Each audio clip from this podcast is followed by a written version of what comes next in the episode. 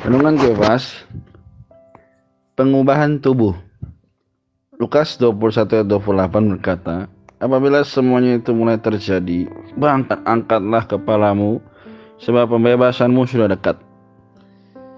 Sebagai Kefas Kalau kamu melihat banyak film Ada manusia yang tubuhnya bisa berubah Entah menjadi apa pun.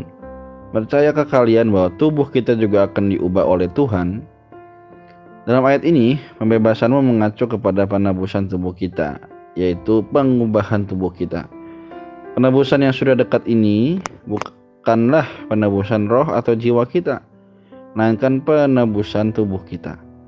Kita akan mengalami penebusan ini pada saat Tuhan datang kembali. Bagi Fas, inilah perkara yang terjadi pada zaman ini, yaitu orang ingin berubah agar memiliki kekuatan atau kekuasaan, di dalam hal rohani sangat berbeda.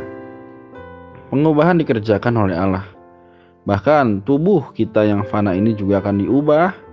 Bagaimana caranya dan bagaimana bentuknya itu akan terjawab pada saat Tuhan datang. Terus, apa hubungannya dengan kita?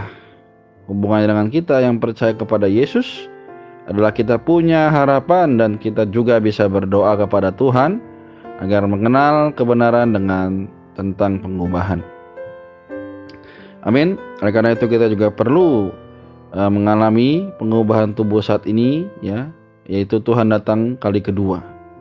Kita juga perlu pengubahan tidak hanya di dalam roh tetapi juga tubuh kita. Semoga kita juga boleh berdoa agar Tuhan memberikan pengenalan yang tepat tentang pengubahan tubuh. Amin. Mari saudari, sobat kefas sekalian, kita belajar ketika menuntut firman Tuhan kita juga berdoa supaya kita boleh diubah saat Tuhan datang kali kedua. Tuhan Yesus memberkati.